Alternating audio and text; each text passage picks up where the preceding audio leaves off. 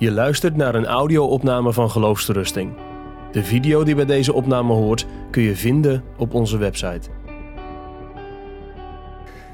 Beste reizenaren, het is tien jaar geleden dat wij hier uit Reizen vertrokken. We hebben hier, uh, mijn vrouw en ik, hier uh, bijna negen jaar gewoond aan de Joost van der Vondelstraat. En ook zo op allerlei manieren betrokken geweest bij het kerkelijke werk wat hier in Reizen mag gebeuren. Toen nog het asielzoekerswerk. Hele mooie dingen mogen beleven, met veel mensen samengewerkt. Die zich van hart, met hart en ziel hebben ingezet, ook voor de gemeente, voor mensen aan de rand van de kerk. Het is weer goed om hier te zijn, ook hier in de Syrisch-Orthodoxe kerk.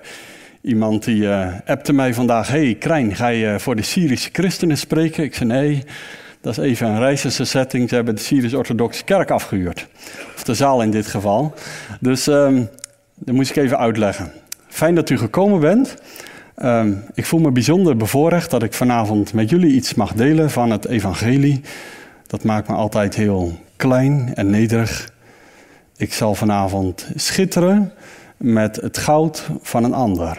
Dwars door mijn gebroken potje heen wil ik iets laten zien van het evangelie, wat aan de ene kant heel scherp is, veel scherper dan wij willen hebben, en aan de andere kant veel meer bevrijdend dan dat wij kunnen denken.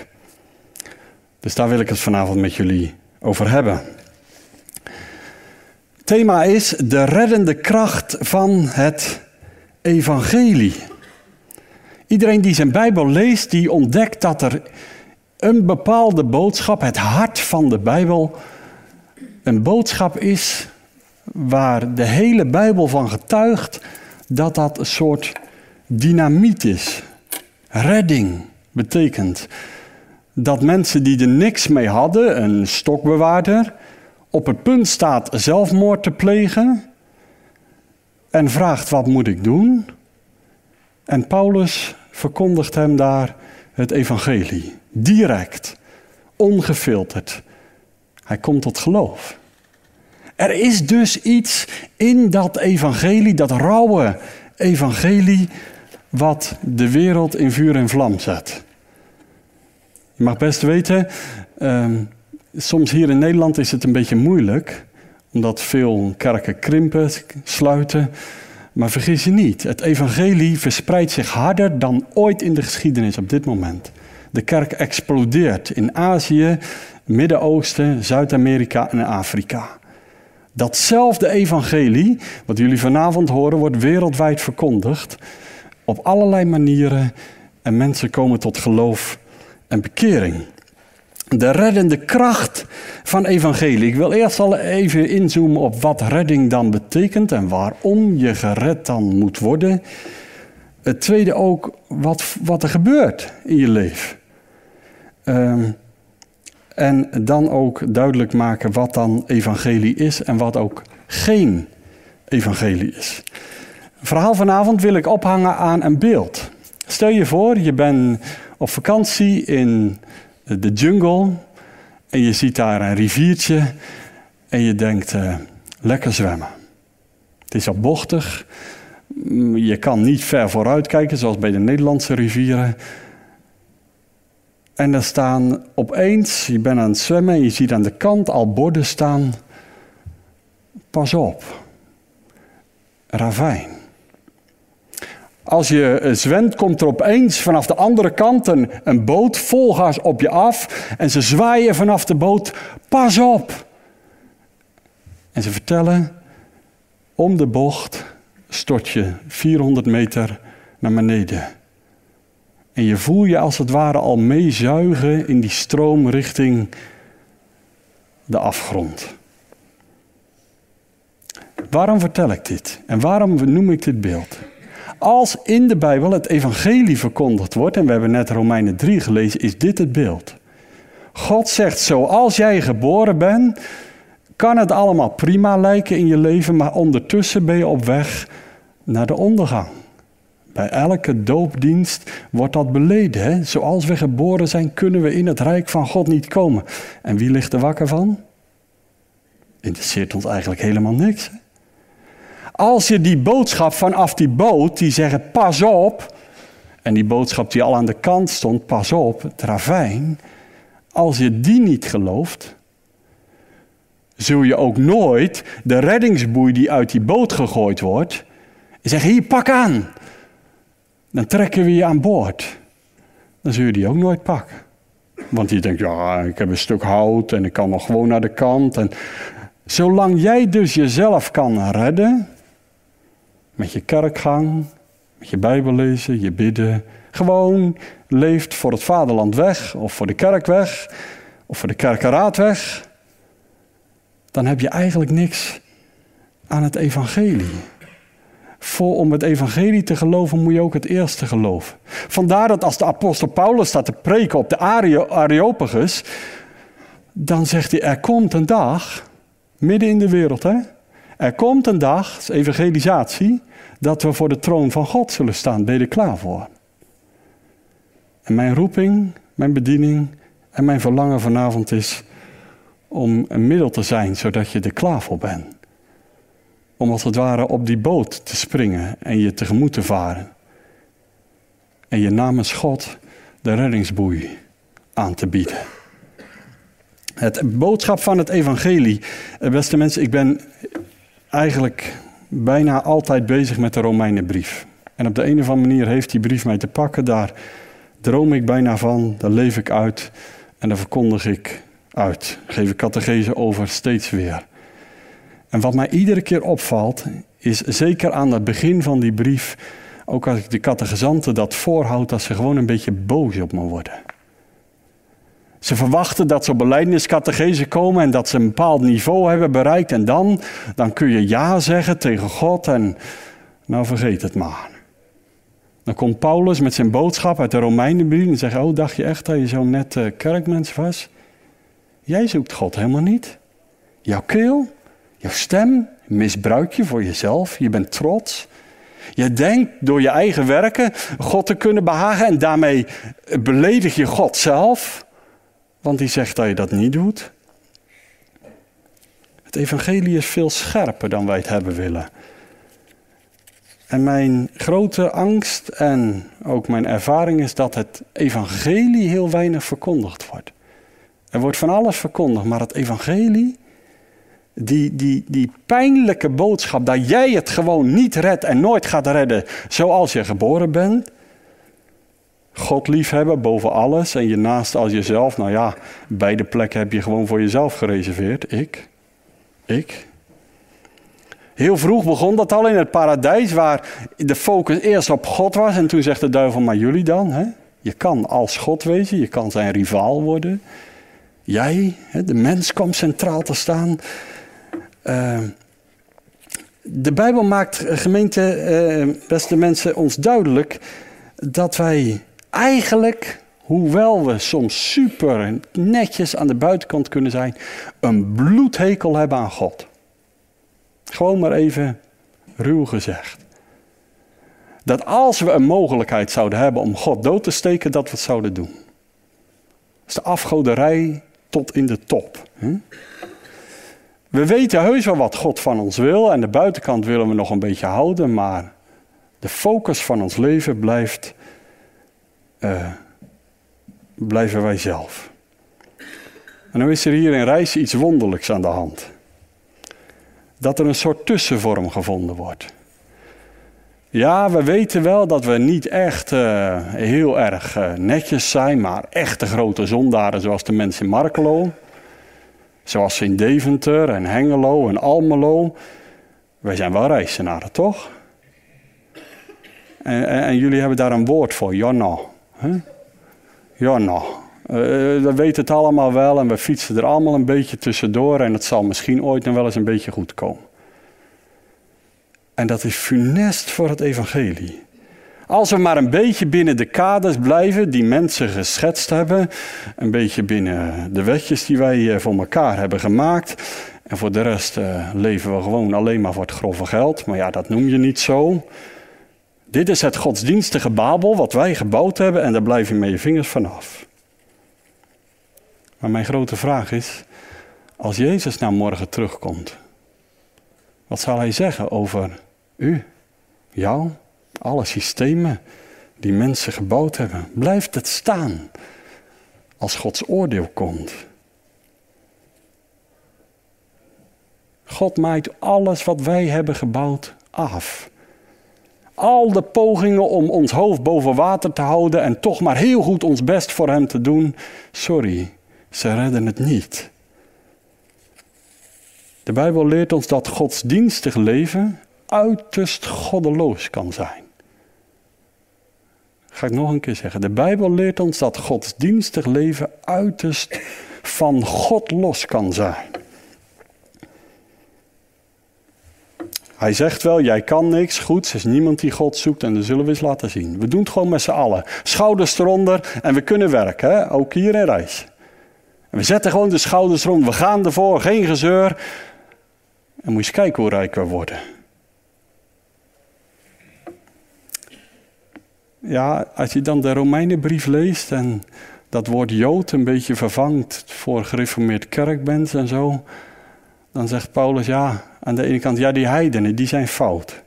Die willen altijd maar hun vrijheid, die willen los van God, die willen geen wetjes, geen regeltjes.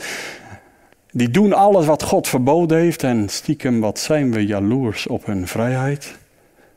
Maar Paulus zegt in Romeinen 2, de godsdienstige mensen doen precies dezelfde dingen, alleen ze kunnen het heel goed verbergen. Of ze doen het alleen digitaal. Of incognito, of is hun geschiedenis. Maar ze zijn net zo schuldig. Je moet beseffen dat, dat niet de daden die jij doet je zondaar maken, maar je houding. Dat jij jezelf staande houdt voor God. De conclusie van Romeinen 3 is, en dat is een hele heftige, daarom zal uit de werken van de wet geen vlees voor hem gerechtvaardigd worden. Door de wet is immers kennis van zonde. Eigenlijk zegt Paulus, iedereen die probeert door goed zijn best te doen het in orde te krijgen met God, gaat het niet redden. Saulus had dat zelf geprobeerd. Hè? Crème de la crème, de top was hij aan. Maar hij bleek tegen God te vechten. Terwijl hij zo zijn best deed voor hem. Aan onze kant is alle hoop op redding eigenlijk afgesloten. Wij zuigen als het ware richting die ondergang. En voor je het weet stort je naar beneden. En dan komt God met de boot om de hoek. Maar nu, hè? maar nu is zonder de wet gerechtigheid van God geopenbaard. hey, er komt iets heel nieuws, iets anders. Dat stond al in het Oude Testament, waarvan door de wet en de profeet is getuigd. Namelijk, vers 22, gerechtigheid van God door het geloof in Jezus Christus. Tot allen en over allen die geloven, want er is geen onderscheid. Ga ik eventjes naar het beeld. God zegt, al zwemmend ga jij het niet redden. Hoe hard je ook zwemt, je wordt meegezogen in de stroom en voor je het weet ben je in de hel. Hè? Dat is de realiteit. Maar nu, de boot komt van de andere kant. En nu biedt God de reddingsboei aan. Dat is een persoon, Jezus Christus. En hij biedt hem je aan. Je kan alleen gered worden als je stopt met zwemmen en hem vastgrijpt. Er is geen andere mogelijkheid. Hij wordt je aangeboden en de Bijbel zegt als je hem ontvangt, ben gered. Word je een kind van God, word je opnieuw geboren, kun je in Johannes 1 lezen. Daar hebben we het straks nog wel even over. Dus het eerste, we gaan even terug. Het eerste waar je moet geloven is dat om de hoek het ravijn is. Dat zoals je geboren bent, jij niet gered wordt. Dat je met eigen werken, hoe hard je ook zwemt, hoe netjes je ook zwemt, dezelfde weg naar het ravijn gaat. En dat alleen redding is door de redding die geschonken wordt, uitgedeeld. Allen die geloven, die krijgen het. Ja, maar zegt iemand, maar hoe zit dat dan? Rechtvaardig worden voor God en ik vind dat allemaal moeilijke woorden. Er staan ook best pittige woorden in. Paulus schrijft aan de gemeente in Rome, dat is een mix tussen heidenen en joden. En hij laat echt zien, ik ben betrouwbaar. Het evangelie wat ik breng, staat het hele Oude Testament vol van. Hij laat zien dat je recht voor God kan staan, dat je vergeven wordt, op het moment dat je je vastklampt aan degene die daarvoor gekomen is. Omdat jij het zelf nooit gaat redden, die gekomen is om jou te redden. Ja, de Bijbel noemt dat het geloof. Maar geloven is eigenlijk iets heel eenvoudigs. Het is diegene die stopt met zwemmen en zich vastklampt aan de boei. Dat is geloof. Heel helder beeld. Aannemen, ontvangen, eh, tot bekering komen. Het heeft allemaal dat soort elementen. Stoppen met het ene en gaan doen wat God zegt. Eindelijk een keer gaan luisteren naar wat Hij zegt.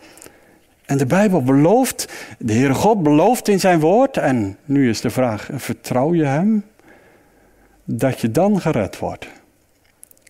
Er is geen enkele andere mogelijkheid die opengelaten wordt om op een andere manier redding te ontvangen. Dan alleen door het te ontvangen. Door een kind te worden. Door te stoppen met wat je daarvoor deed. Te aanvaarden wat God zegt, zowel over de negatieve kant, de ruwe kant van het evangelie, als de belofte van het evangelie. Dat ieder die deze zoon van God ontvangt, eeuwig leven ontvangt. Ja, het is wel degene die geloven, niet alleen degene die het horen. Niet degene die erover gaat discussiëren. Niet degene die zegt, ja, ik heb nog een stuk hout van mijn eigen werken, daar, daar kan ik het ook prima mee doen. Hè? Sommigen gaan discussiëren over de boei. Anderen of dat zij het wel waard waren om die boei te ontvangen. Sommigen zeggen, nou, ik word wellicht gered doordat ik heel verdrietig ben en heel hard klaag over het feit dat ik zo verloren ben en richting de ondergang ga.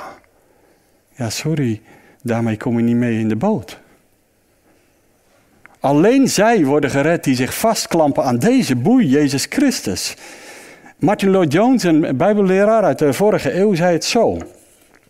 Wie gelooft, kijkt niet langer naar zichzelf, verwacht het niet van zichzelf. Hij kijkt niet meer hoe hij eerst was. Hij kijkt niet hoe hij nu is. Hij kijkt niet wat hij hoopte te zijn. Hij kijkt alleen naar de Heer Jezus en wat hij volbracht heeft. Dat is de enige hoop waarop hij vertrouwt. Ja, ik kan me voorstellen dat je zegt, ja, maar wij reizenaren geloven niet zomaar wat. Het moet goed zijn. Het moet betrouwbaar zijn. Die westelingen, die zijn zo allemaal zo in de wolken. Maar wij, wij willen het weten. Nou, wees maar zo en check het. Speur je Bijbel maar na.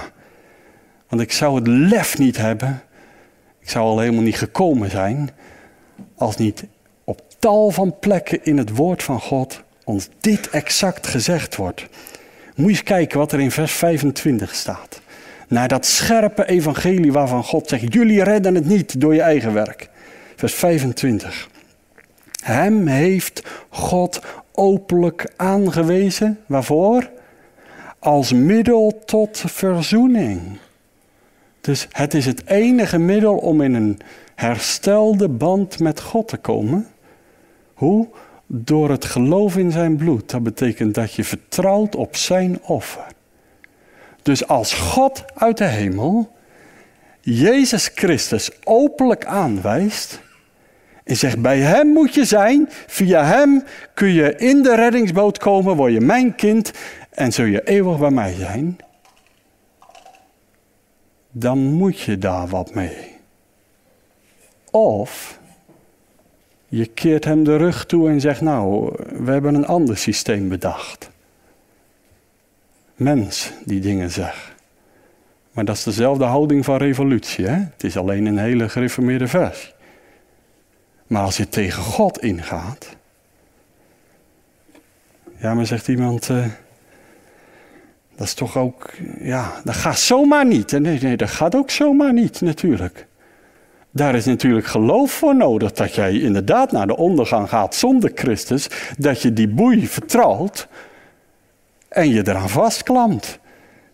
En het mooie is, in de Bijbel wordt geleerd dat die dingen uitgedeeld worden als er over verkondigd wordt. Dus je ziet de apostelen heel vrijmoedig gaan getuigen hiervan. Waar? Op het tempelplein. Tegen wie? Tegen Joden die een paar dagen daarvoor zeiden: kruis hem. God zo vreselijk beledigd hadden door zijn zoon naar het kruis te laten verwijzen. En Petrus zegt, er is ook voor jullie vergeving van zonde. En waarom doet Petrus dat? Omdat je in Lucas 24, van mij vers 46 of 47, heeft hij de opdracht van Jezus gekregen. Ga aan alle volken vertellen dat er vergeving van zonde door het geloof in mijn naam is. Kijk maar na. Dat geeft Petrus de moed om dat te doen. En dat werkt nogal wat uit.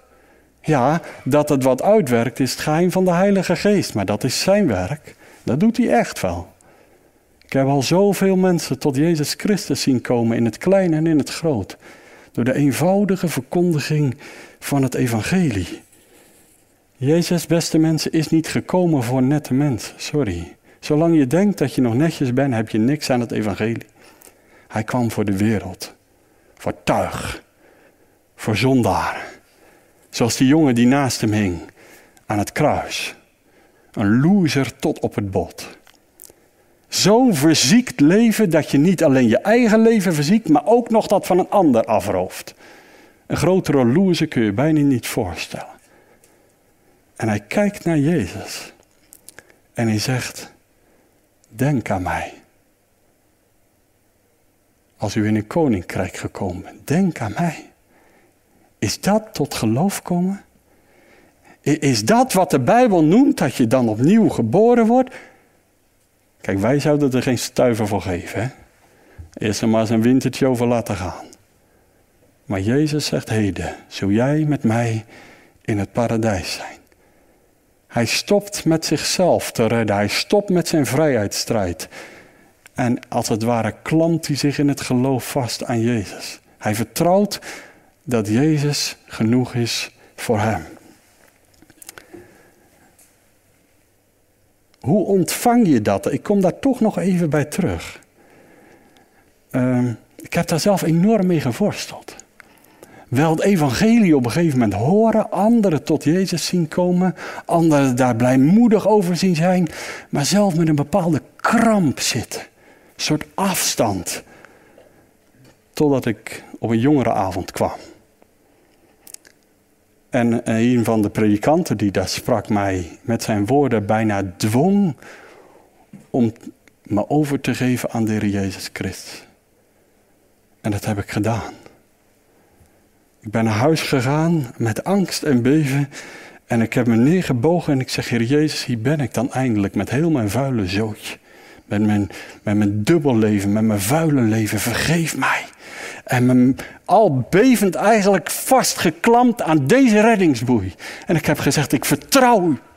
Dat u ook voor mij aan het kruis gegaan bent. En ook voor mij bent opgestaan. En wat voel je dan? Niks. Nee, het was stil. Heel stil.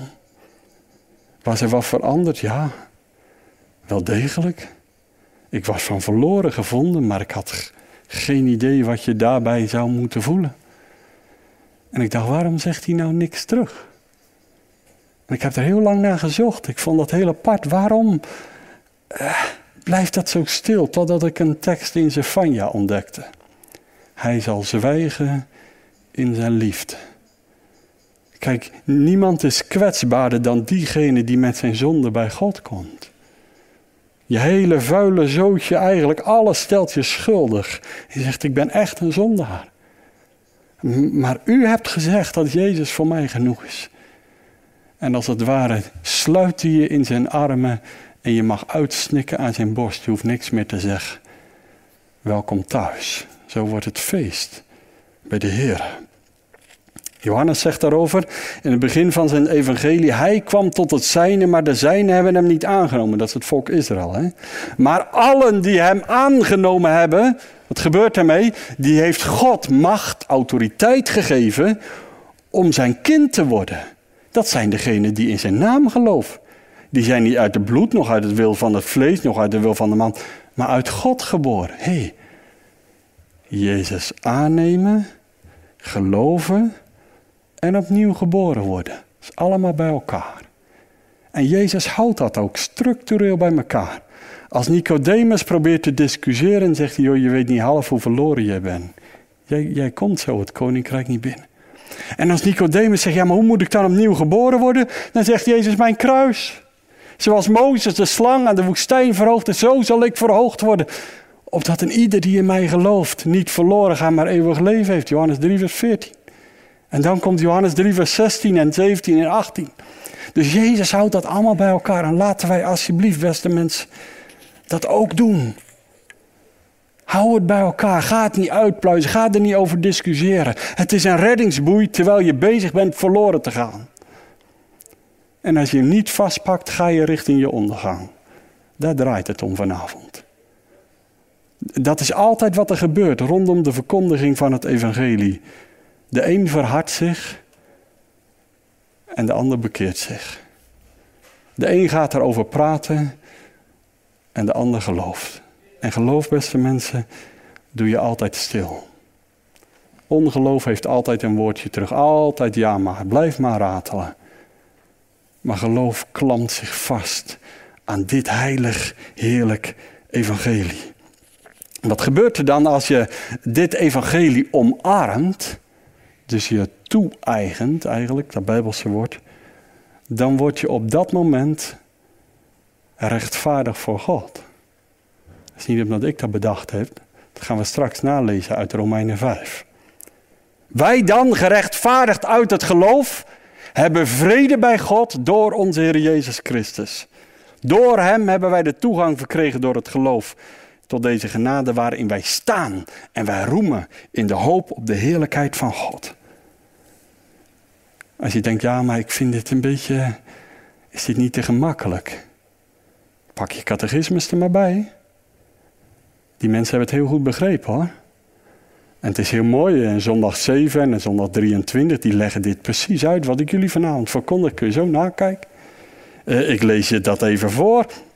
Zondag 23, vraag 60, ik doe het even een eenvoudige versie. Hoe ben je rechtvaardig voor God? Ik ben alleen rechtvaardig voor God door het geloof in Jezus Christus. Dus dat is een feit, een wetenschap. En dan je gevoelsleven. Dat blijkt heel anders te zijn. Mijn geweten klaagt mij aan dat ik tegen alle geboden van God krachtig gezonden heb en niet één daarvan gehouden heb. En ik ben nog steeds geneigd tot alle verkeerde dingen. Dus dat is de bevinding. Dat is diametraal op wat God beloofd heeft. Hè? Ondanks dat geeft God mij, zonder daarvoor ik iets gedaan heb, uit genade, de volledige betaling, de gerechtigheid en de heiligheid van Christus. Hij rekent mij die toe alsof ik nooit gezondigd had, of ik mijn hele leven gehoorzaam ben geweest, zoals alleen Jezus die gehoorzaamheid van mij heeft gedaan. En dan slot, als je denkt dat aannemen, dat vind ik allemaal een beetje te makkelijk, dan moet je catechismus ook weggooien. Moet eens kijken wat hij zegt. Ik deel in deze liefdesdaad als ik die met een gelovig hart aanneem. In de klassieke uitgave, in zoverre ik zulke weldaad met een gelovig hart aanneem. Dus daar gaat het om. Je kan er dus over praten, op afstand blijven, maar het wordt pas van jou als je het ontvangt. Eh, en de Duitse leerregels, ga ik nu niet op in, maar die zeggen op het moment dat de verkondiging klinkt, de vermaning staat er, geeft God de genade om het te ontvangen. Ik ga afronden, mijn eerste lezing. Als je dus hier vanavond zit en zegt, dat zou ik ook wel willen. Ik, wil ook van mijn zonde verlost worden. Ik, ik, ik wil ook verbonden worden met deze boei. Ik, ik geloof dat ik naar de ondergang ga anders. Dat, dat uiteindelijk de hel mijn eindbestemming is. Ik, ik, ik wil dat wel. Waar zou dat vandaan komen, denk je? Uit jouw oude, zondige, boze hart? Of zou dat van een andere kant komen? Zou God die reddingsboei vlak, vlakbij in je hart leggen? Ga straks nog even Romeinen 10 lezen. Dat het zo dichtbij is. Dat de Heer het als het ware in je hart legt. Hij, zoals dominee Simons die heel mooi kan zeggen. Hij zegt, ik leg dan het evangelie, de Heer Jezus, op je schoot. En, en dan doe je twee dingen. Of je omhelst hem, of je laat hem vallen en je vertrapt hem. Dat is het heilige evangelie. Door het geloof in dit evangelie word je gered. Een kind van God. Nee, dan voelt alles niet opeens superheilig. Heb je nog alle hele gekke kuren en neigingen. Maar de Heilige Geest is nog maar net begonnen. Hij zal in je leven dat bloed van Jezus gaan boenen in alle uithoeken van je leven. Geloof in Hem. Geef je over aan Hem. En ook u en jij zult leven. Amen. Je luistert naar een podcast van Geloofsterusting. Wil je meer luisteren, lezen of bekijken?